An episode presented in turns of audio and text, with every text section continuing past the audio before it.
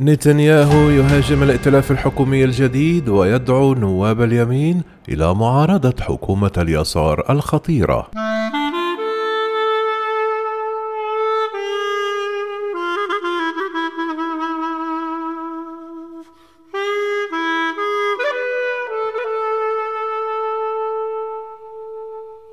غداة الإعلان عن تشكيل ائتلاف حكومي يطيح به من رئاسة الوزراء في إسرائيل. دعا بنيامين نتنياهو النواب اليمينيين إلى معارضة حكومة اليسار الخطيرة واستهدف المشاركة العربية التاريخية في الائتلاف ولن تعقد جلسة الكنيست للموافقة على الحكومة الجديدة بأغلبية بسيطة من النواب سوى بعد نحو عشرة أيام. مما يتيح الفرصة لنتنياهو للتأثير على المشرعين. في محاولة أخيرة لمنع الإطاحة به من منصبه رد رئيس الوزراء الإسرائيلي بنيامين نتنياهو الخميس على اتفاق خصومه السياسيين على تشكيل حكومة تضم أحزابا من تيارات اليسار والوسط واليمين بهدف الإطاحة به. وكتب نتنياهو المهدد باقتراب فترة حكمه المتصل لمدة 12 عاما من نهايتها. على تويتر يقول يتعين على كل المشرعين اليمينيين المنتخبين معارضة حكومة اليسار الخطيرة. واستهدف المشاركة العربية التاريخية في الائتلاف. صعد نتنياهو الذي يتزعم حزب ليكود اليميني هجومه على مواقع التواصل الاجتماعي في اليوم التالي لإعلان يائير لبيد المنتمي لتيار الوسط نجاحه في تشكيل حكومة ائتلافية قبل نحو 35 دقيقة من انقضاء الموعد النهائي عند منتصف الليلة الأربعاء. وبموجب اتفاق تشكيل التحالف سيتولى السياسي القومي نفتالي بنت البالغ من العمر 49 عاما وهو وزير دفاع سابق ومليونير منصب رئيس الوزراء أولا لمدة عامين ثم يسلم المنصب إلى لبيد البالغ من العمر 57 عاما وهو مقدم برامج تلفزيونية سابق ووزير مالية سابق. ولن تعقد جلسة الكنيست للموافقة على الحكومة الجديدة بأغلبية بسيطة من النواب سوى بعد نحو عشرة أيام مما يتيح الفرصة لنتنياهو للتأثير على المشرعين. ويأتي هذا الاتفاق بعد انتخاب الثالث والعشرون من مارس آذار الماضي التي لم يفز فيها حزب الكود اليميني بزعامة نتنياهو وحلفائه أو معارضوهم بأغلبية. وكانت هذه رابع انتخابات عامة تجريها إسرائيل خلال عامين ويضم التحالف أحزابا صغيرة ومتوسطة من مختلف التيارات السياسية بما في ذلك. ولأول مرة في تاريخ إسرائيل حزب القائمة العربية الموحدة الذي يمثل الأقلية العربية التي تشكل 21% من السكان. وفي تعليقه على تويتر ألقى نتنياهو الضوء على علاقة التحالف الجديد بمنصور عباس زعيم حزب القائمة العربية الموحدة.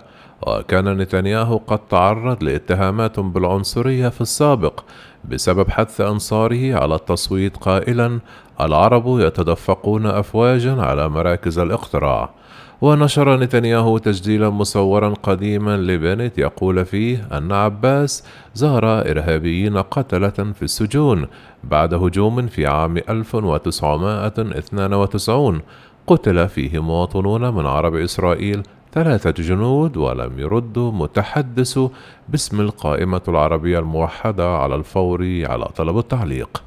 ليس لدى هذه الأحزاب المتباينة المشاركة في الائتلاف الجديد أي قواسم تجمعها سوى الرغبة في الإطاحة بنتنياهو الذي يواجه محاكمة في اتهامات بالفساد ينفيها ويضم التحالف حزب يمينة بزعامة بينيت وحزب أزرق أبيض الذي يمثل تيار يسار الوسط بزعامة بيني جانتس وحزب ميرتس والعمل اليساريين بالإضافة إلى حزب إسرائيل بتنا بزعامة السياسي القومي أفيغدور ليبرمان وحزب أمل جديد بزعامة جدعون ساعر وزير التعليم السابق الذي انفصل عن حزب الليكود.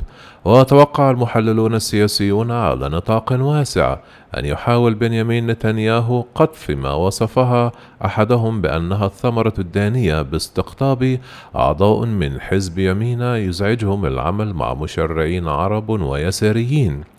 إذ أقرت تمارا زاندبرغ العضوة بحزب ميرتس بالصعوبات المتعلقة بتفعيل التحالف الذي انضم إليها حزبها وقالت لإذاعة الجيش الإسرائيلي اليوم الاختبار لهذا التحالف هو أداؤه اليمين لن يحدث ذلك دون مشاحنات ومشاكل ويسيطر نتنياهو على 30 مقعدا من مقاعد الكنيست البالغ عددها 120 مقعدا أي نحو مثلي عدد المقاعد التي يسيطر عليها حزب يشعتيد بزعامة لابيد وهو متحالف مع ثلاثة أحزاب دينية وقومية أخرى على الأقل. وكان بنيامين نتنياهو خلال فترة توليه منصب رئيس الوزراء شخصية استقطابية في أغلب الأحيان سواء في الداخل أو في الخارج. ويشير منافسوه إلى الاتهامات الجنائية الموجهة إليه باعتبارها السبب الرئيسي لاجتياح إسرائيل لزعيم جديد دافعين بأنه قد يستغل فترة ولاية جديدة لإصدار تشريع يمنحه حصانة.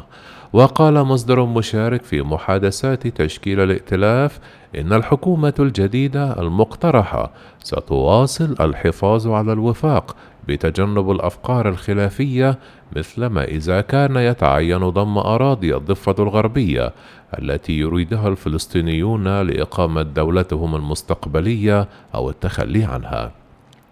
وقال بنت إن إقامة دولة فلسطينية مستقلة سيكون بمثابة انتحار لإسرائيل وجعل من ضم أجزاء من الأراضي التي احتلتها إسرائيل في عام 1967 عنصرا رئيسيا من برنامجه السياسي لكن محاولة العمل على ذلك وسط الائتلاف الجديد تبدو غير ممكنة سياسية ويمثل أي اندلاع جديد للعنف على الحدود بين إسرائيل وغزة بعد مرور أسبوعين على إعلان وقف إطلاق النار الذي أنهى قتالا دام لمدة 11 يوما مع القطاع الفلسطيني الذي تسيطر عليه حركة حماس اختبارا لمدى تماسك التحالف.